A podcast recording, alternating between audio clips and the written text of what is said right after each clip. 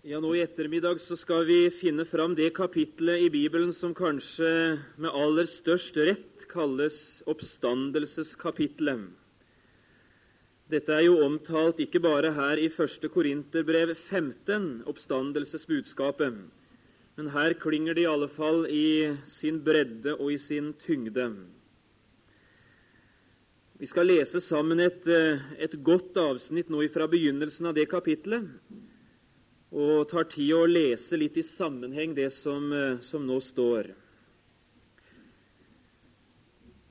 Skulle vi lage en overskrift over denne timen, så måtte det gå på noe i retning av oppstandelsens faktum. Vi skal si litt i enkelhet om det. Vi vil be sammen aller først. Far i himmelen. Takk at vi får oppleve slike øyeblikk der vi får være under påvirkning av ditt ord. Vil du la oss oppleve guddommelig berøring gjennom bibeltimene også i ettermiddag? Vil du på en særlig måte åpne ordet for oss i sin klarhet og i sin storhet? Om vi kunne få noen glimt av den Jesus som er vår sjels store skatt. Velsigne både de unge og de eldre til å, til å høre og til å forstå ditt ord. Gi meg det jeg trenger for å tale det rett. Amen. Ja, Vi leser fra 1. Korinterbrevs 15. kapittel og fra begynnelsen. Jeg kunngjør dere brødre det evangelium som jeg forkynte dere, som dere òg tok imot, som dere òg står fast i, som dere òg blir frelst ved, dersom dere holder fast ved det ord hvormed jeg forkynte dere dem, så fremt dere ikke forgjeves er kommet til troen. For jeg overga dere blant de første ting det som jeg selv mottok, at Kristus døde for våre synder etter Skriftene, og at han ble begravet, og at han oppsto på den tredje dag etter Skriftene og at han ble sett av Kefas, deretter av de tolv. Deretter ble han sett av mer enn 500 brødre på en gang. Av dem er de fleste ennå i live, men noen er hensovet. Deretter ble han sett av Jakob, deretter av alle apostlene. Men sist av alle ble han òg sett av meg som det ufullbårne foster. For jeg er den ringeste av apostlene og er ikke verd å kalles apostel, fordi jeg har forfulgt Guds menighet. Men av Guds nåde er jeg det jeg er, og Hans nåde mot meg har ikke vært forgjeves. Men jeg har arbeidet mer enn de alle, dog ikke jeg, men Guds nåde som er med meg. Hva enten det da er jeg eller de andre, så forkynner vi således og således kom dere til tro. Men forkynnes det om Kristus at han er oppstanden fra de døde, hvorledes kan da noen iblant dere si at det ikke er noen oppstandelse av døde? Men er det ikke noen oppstandelse av døde, da er heller ikke Kristus oppstanden. Men er Kristus ikke oppstanden, da er vår forkynnelse intet. Da er også deres tro intet. Da finnes vi å være falske vitner om Gud, fordi vi har vitnet mot Gud at Han har oppvakt Kristus, som Han dog ikke har oppvakt, så fremt altså de døde ikke oppstår. For dersom de døde ikke oppstår, da er heller ikke Kristus oppstanden. Men er Kristus ikke oppstanden, da er deres tro unyttig. Da er dere ennå i deres synder. Da er altså også de fortapt som er hensovet til Kristus. Har vi bare i dette liv satt vårt håp til Kristus, da er vi de ynkverdigste av alle mennesker. Men nå er Kristus oppstanden fra de døde og er blitt førstegrøden av de hensovede. For ettersom døden er kommet ved ett menneske, så er òg de dødes oppstandelse kommet ved ett menneske. For like som alle dør i Adam, så skal òg alle levendegjøres i Kristus. Jeg vil tro at mange av dere som er på bibeltimen i ettermiddag, vet at Napoleon, denne kjente franske skikkelsen, han led sitt avgjørende nederlag ved Waterloo. Det fortelles om et bestemt område på denne slagmarken at det ble gjenerobret og tapt hele tre ganger i løpet av den dagen slaget ved Waterloo varte. Både briten Wellington og Napoleon de forsto seg noe på hvor viktig dette området var. Og Derfor satte de alt inn av krefter på å vinne dem og å bevare dem. Det var visst ikke minst britenes erobring av nettopp dette området som påførte Napoleon det endelige nederlaget. Området omkring Kristi død og oppstandelse har en lignende betydning. Her møttes livets høvding og denne verdens Gud til det avgjørende slaget. Her tørnet Kristus og Satan sammen. Den som vant dødens og oppstandelsens område, ville være seierherren. Omtrent sånn framstiller Bibelen betydningen av Kristi død og Kristi oppstandelse. Og Vi får vel gjerne også et lite inntrykk av den hovedsaken i det vi har lest nå fra første Korinterbrev. Står oppstandelsen, så står hele saken.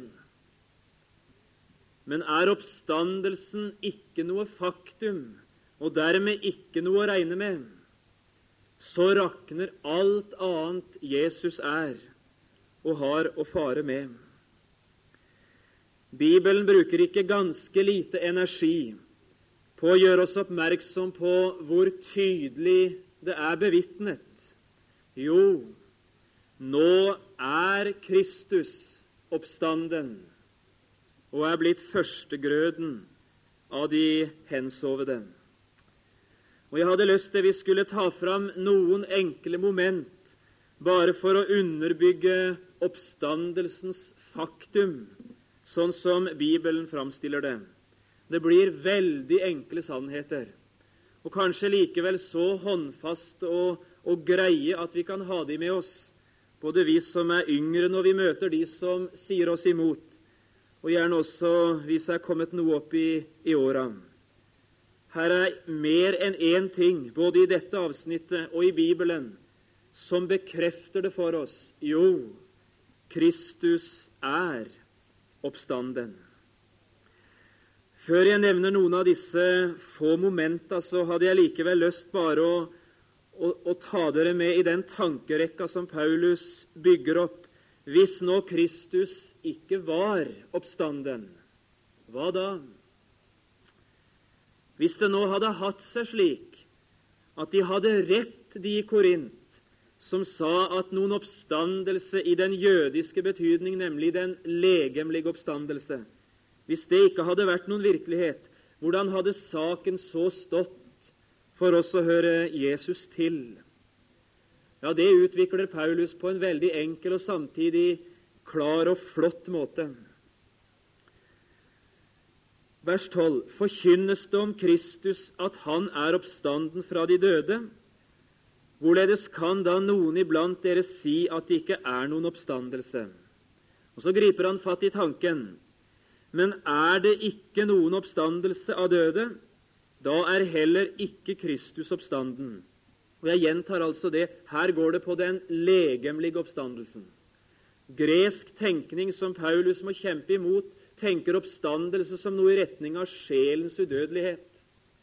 Mens jødisk måte å tenke oppstandelse på, dermed bibelsk i denne sammenhengen, tenker oppstandelse som, som legemets eller den totale oppstandelse.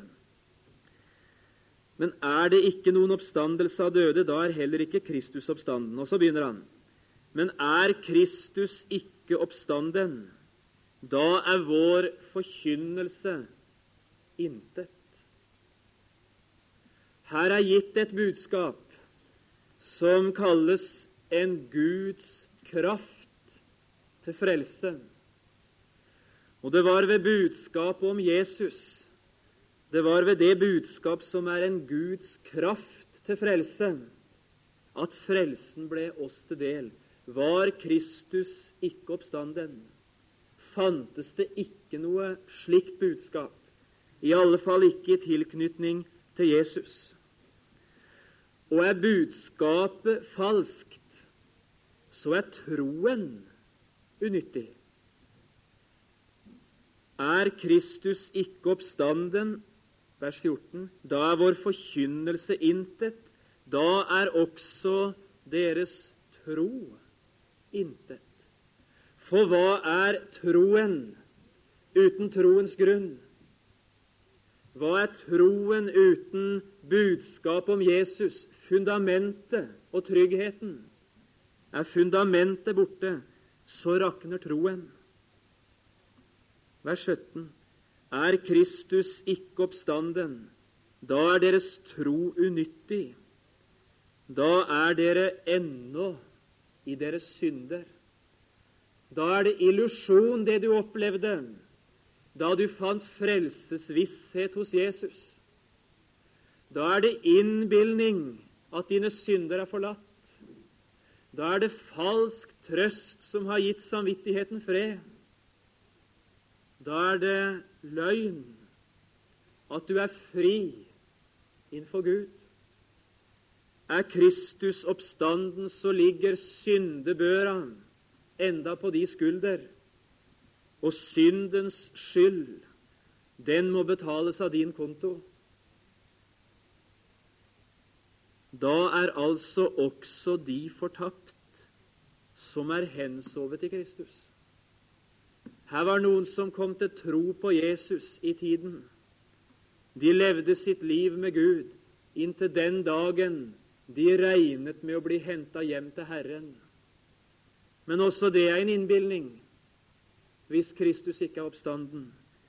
Da er de ikke borte fra legemet og hjemme hos Herren. Da er de fortapt.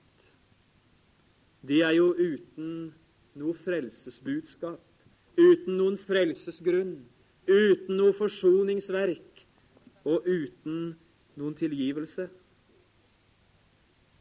Har vi bare i dette liv satt vårt håp til Kristus, da er vi de ynkverdigste av alle mennesker. Da er vi dårer. Da er vi tåper. Da var det bedre vi drev med andre ting enn det vi nå driver med. Men nå er Kristus oppstanden. Og, og nettopp dette Han er oppstanden. Snur hele tankerekka på hodet. Da er vi gjerne dårer i en viss grad i verden, men vi er kommet i kontakt med en guddommelig visdom som har med evigheten å gjøre. Da er de frelst, de som har gått i, i døden i troen på Jesus. Da er troen nyttig. Da er synden tilgitt. Da er frelsesbudskapet virkekraftig. Da står saken som ellers ville ha falt. Nå er Kristus oppstanden fra de døde og er blitt førstegrøden av de hensovede. Det uttrykket skal vi komme tilbake til seinere. Bare et lite ord om, om det siste. Ettersom døden er kommet ved ett menneske, så er òg de dødes oppstandelse kommet ved ett menneske. For like som alle dør i Adam, så skal òg alle levendegjøres i Kristus. Ser vi nå seinere, så kalles Kristus den siste Adam, vers 45. Adam i Bibelen, brukes alltid om han som representerer slekten. Den første Adam, han representerer hele slekten som ble til på naturlig skapervis. Og da Adam falt, så falt ikke bare Adam, men da falt slekten.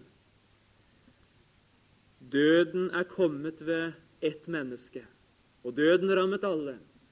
Slik, sier Paulus, har en ny Adam oppstått. Den siste Adam, den endegyldige. Og så er han opphavsmann, stamfar, til en ny slekt der liv, fred, håp og framtid rår. Han er førstegrøden. Han er den førstefødte. Han er den første av mange. Kristus er oppstanden. Hadde bare lyst til å, å enkelt og greit lese gjennom den tankerekka. Det er der saken står. Rakner Kristi oppstandelse, Kristi legemlige oppstandelse, så rakner alt. Står oppstandelsen, så står hele saken. Og Så bruker altså Paulus den første delen av dette kapitlet for å underbygge det faktum som han her slår fast i vers 20. Nå er Kristus oppstanden fra de døde. Jeg hadde lyst til å gi fire enkle moment som eh, både Paulus her og Bibelen for øvrig underbygger den saken med Kristus er oppstanden. For det første Kristi oppstandelse det er et faktum som er bevitnet i Det gamle testamentet, i Skriftene, med andre ord. Kristi død, det var ingen øyeblikksbegivenhet som kom brått både på disipler og Gud. Nei, nei. Og Kristi oppstandelse kom ikke like overraskende på himmelen som den gjorde på fortvilte disipler. Dette var nøye planlagte ting. Før skapertanken ble fullbyrda, var frelsesplanen lagt. Og da ord fra Gud begynte å tegnes ned, så ble også disse sannhetene bygget inn. Og Du merker deg bare disse to uttrykka i vers 3 og i vers 5. Jeg overga dere blant de første ting det som jeg selv mottok, at Kristus døde for våre synder etter, ifølge, i samsvar med Skriftene, at han ble begravet, og at han oppsto på den tredje dag ifølge Skriftene. Både Kristi død og Kristi oppstandelse er å finne i Det gamle testamentet. Det står her både sannheten om Han som led forsoningens død, og Han som beseiret døden og førte liv og uforgjengelighet fram i lyset. Det gamle testamentet bekrefter og bevitner oppstandelsens faktum og budskap. Det var da også noe av det Jesus prøvde å, å innprente sine venner før han dro hjem til sin far og satte seg ved Faderens høyre hånd. Jeg tenker på et par uttrykk i, i Lukas 24, om du vil notere deg det. Det ene uttrykket det er fra, fra Emmausveien. Vi husker jo den situasjonen der Jesus går sammen med Kleopas og denne andre. Hører hvordan de øser av seg fortvilelsen, skuffelsen over å ha tatt feil, og også litt av forvirringen om hvordan kvinnenes nyheter om en tom grav den samme morgenen hadde brakt eh, enda mer uklarhet og uro inn. Vers 25. Da sa Jesus til dem, dere dårer og senhjertede til å tro alt det profetene har talt. Måtte ikke Messias lide dette, og så gå inn i sin herlighet? Og han begynte fra Moses og fra alle profetene og utla for dem i alle skriftene det som er skrevet om Han. Og her er sannheten om Kristi død, Kristi oppstandelse og Kristi opphøyelse innebygget i det Jesus taler om. Det gamle testamentet bekrefter budskapet om Kristi oppstandelse. Og Ser du litt lenger ut i samme kapittel, vers 44, og Jesus sa til dem:" Dette er mine ord, som jeg talte til dere mens jeg ennå var hos dere, at alt det måtte oppfylles som er skrevet i Moselov og profetene og salmene om meg. Da opplot han deres forstand så de kunne forstå Skriftene, og han sa til dem:" Så står skrevet at Messias skal lide og oppstå fra de døde på den tredje dag, og at i Hans navn skal omvendelse og syndenes forlatelse forkynnes for alle folkeslag fra Jerusalem av. Kristi oppstandelse er igjen med i det Jesus henter fram fra Skriftene.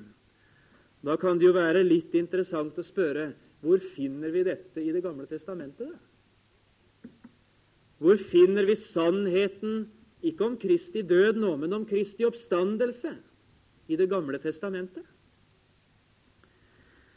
Ja, Da hadde jeg lyst bare å lage en liten parentes og si da er det om å gjøre at vi er oppmerksom på, på forholdet mellom Det gamle og Det nye testamentet, og hvordan det skal leses i forhold til hverandre. I Hebreerbrevet og kapittel 10, i det første verset, så får vi en slags ledetråd på hvordan disse to ting skal ses i sammen. Der står det omtrent slik Da loven bare har en skygge av de kommende goder, men ikke selve bildet av tingene, osv. Og, og loven brukes i utvida forstand om, om det som var før den nye pakt og de nye ting kom. Dette er å betrakte som skyggene av selve tingen. Og Nå tenker du deg litt om hvordan det har seg med skyggen din. Når du er ute og går i sola sånn som her, så vil skyggen din kunne fortelle en del om deg, men ikke alt. Skyggen vil fortelle om du, kun, om du står med armen i været, eller om du ikke gjør. Skyggen vil kunne fortelle om du går, eller om du står i ro. Men skyggen kan ikke fortelle noe om øyenfargen din eller skjortefargen. En skygge forteller noe, men ikke alt. Den fulle sannhet den finner jeg ved å se på selve saken og selve bildet. Og en enkel ting til. Jo mer lys du har, hvor skarpere lys det er over selve personen eller tingen, jo tydeligere blir skyggen. Ikke sant? Lite lys over sannheten om Kristus blir utydelige skygger i Det gamle testamentet. Og er grunnen til at det er så vage forestillinger om Jesus i Det gamle testamentet hos så mange? Ja, kanskje det har med et svakt lys over Kristus selv å gjøre? Hvor er Kristus å finne hen? I, i, i skyggene i Det gamle testamentet. Ja, Han er å finne på, på flere måter. Og Nå blir det litt sånn bibelhenvisning utover i timen, men det får dere bare leve litt med. Det er jo, jo bibeltime. Jeg hadde lyst til å, å, bare ta fram og peke på et par av de avsnittene vi har i apostelgjerningene. Først kapittel 2.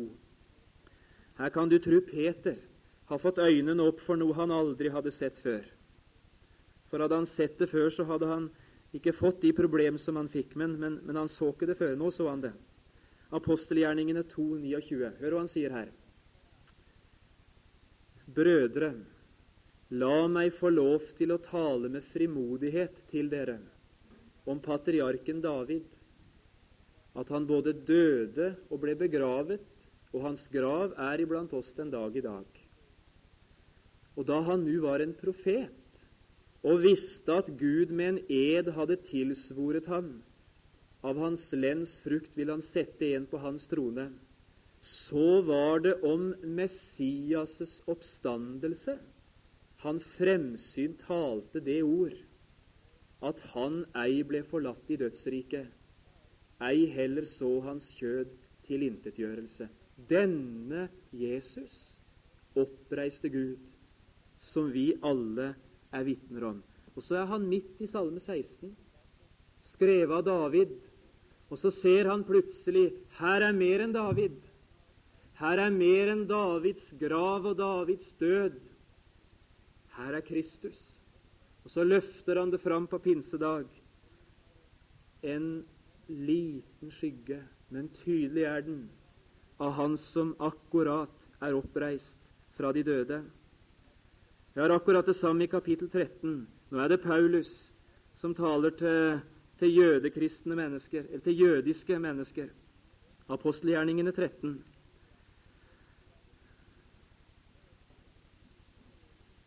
Og Så bruker han Salme 16, og så bruker han i tillegg Salme 2, vers 32.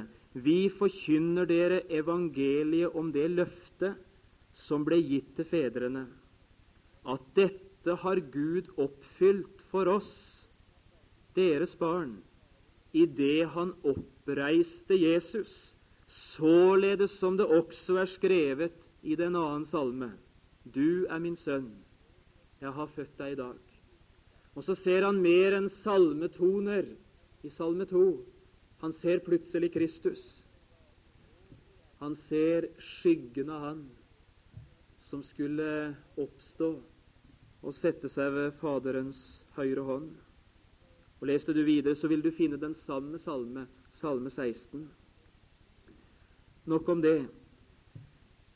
I tredje Mosebok og kapittel 23 der finner vi hele samlingen av forordninger omkring Herrens høytider. Og jeg har ikke verken anledning eller, eller kapasitet til å gå så veldig inn på det. Men jeg hadde bare lyst til å gjøre deg oppmerksom på, på det siste som står om påskehøytiden og forordningen.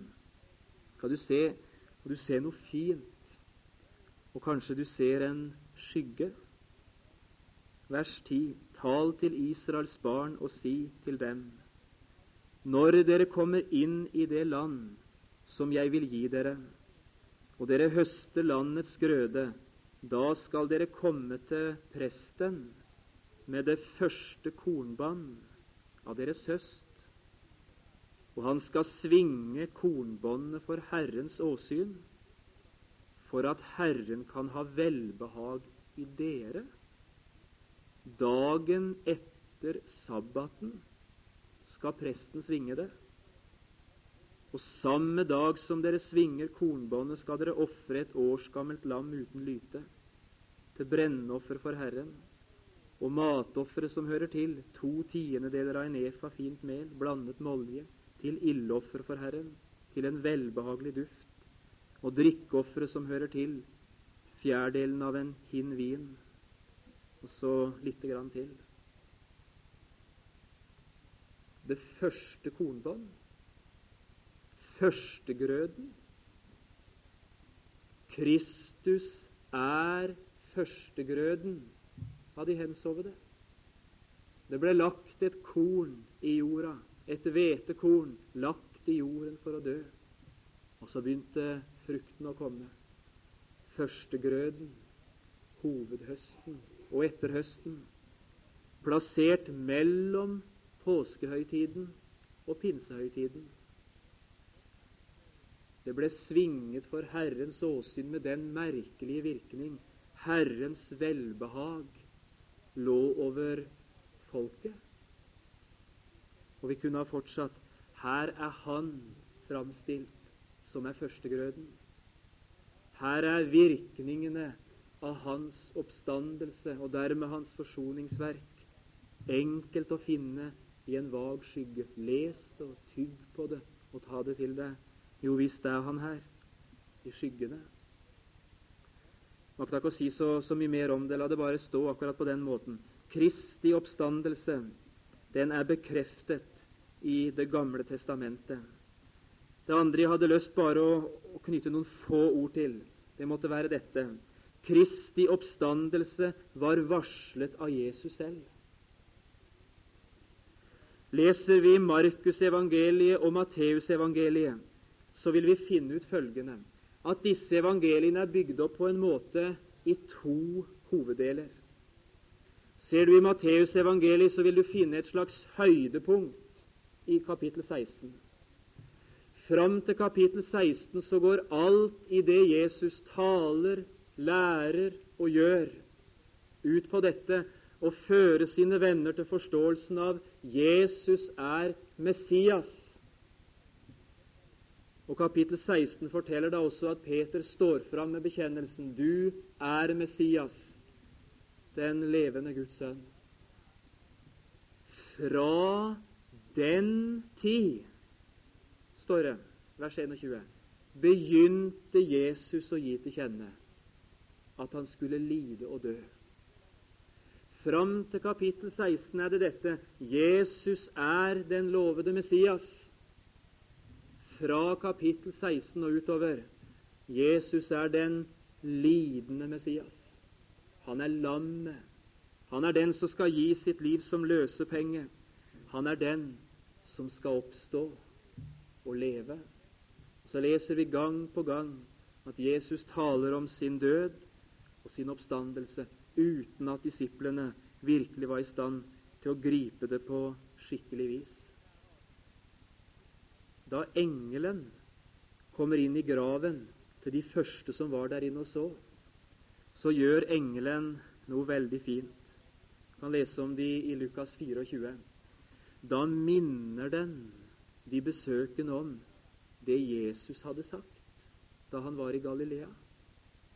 Kom i hu det Jesus har sagt, vers 4-8.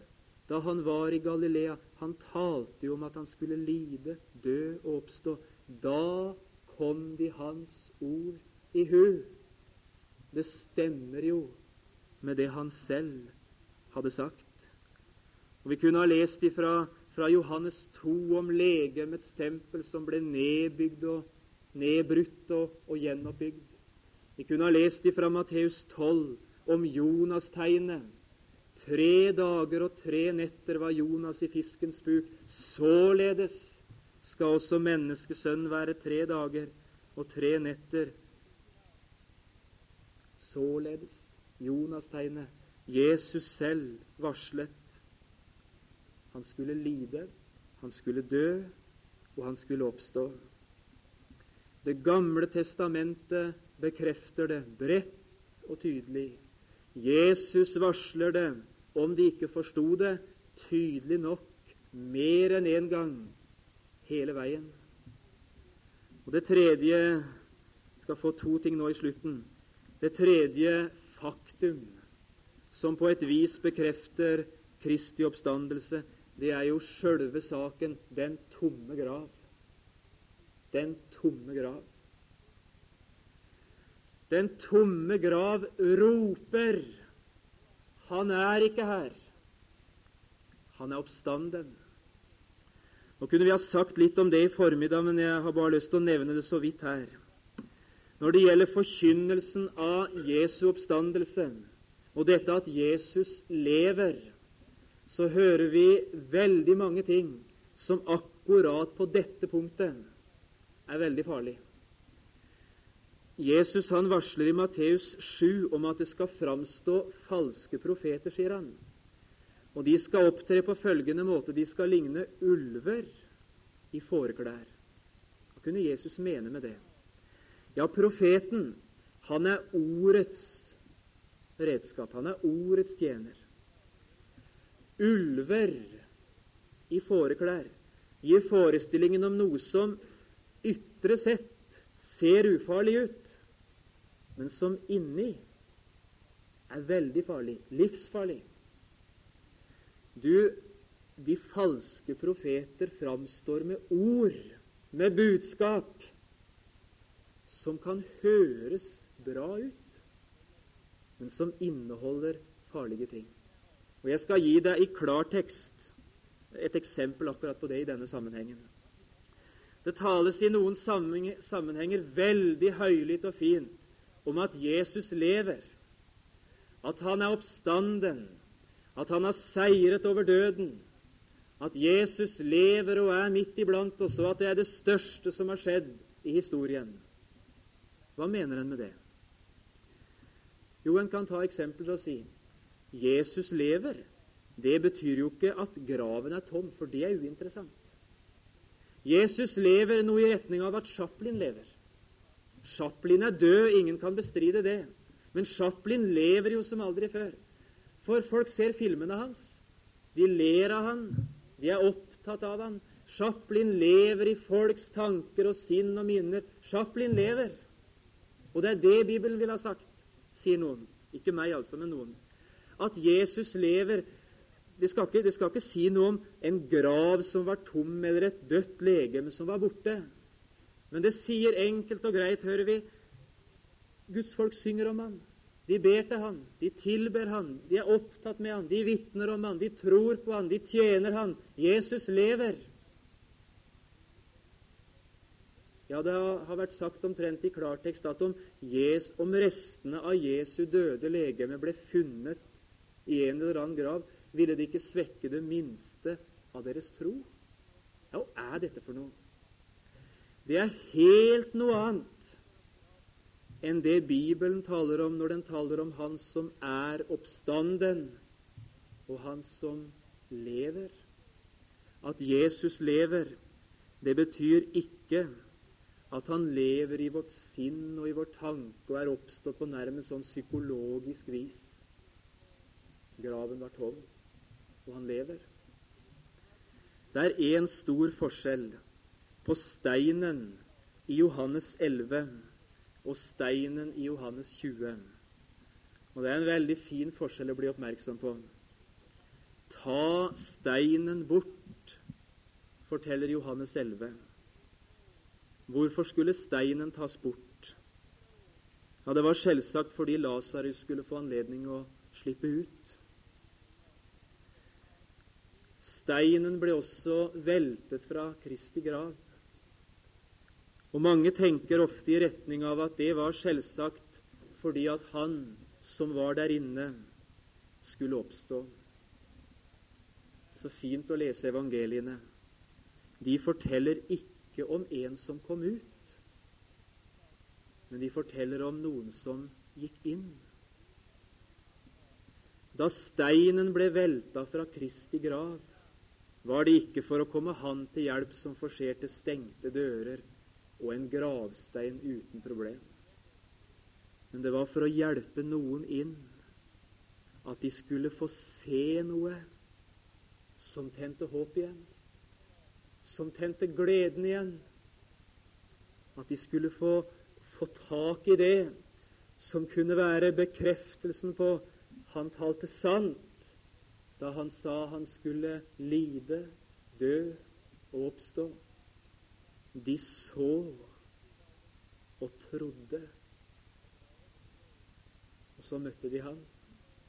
Han er oppstanden. Den tomme grav. Det har vært reist mange forklaringer på den tomme grav. Jesu fiender røvet han. Jesu venner røvet han. De traff feil grav, osv., osv. Jeg hadde bare lyst til å lese om igjen eh, en vitnerekke.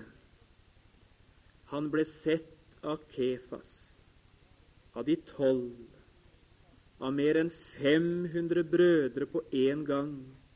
Av dem er de fleste ennå i live, noen er hensovet. Av Jakob, av apostlene, deretter aller sist av meg. Og som ikke det er nok, kunne vi tatt med kvinnene og enda noen. Går vi etter i sømmene bevisene på den tomme grav?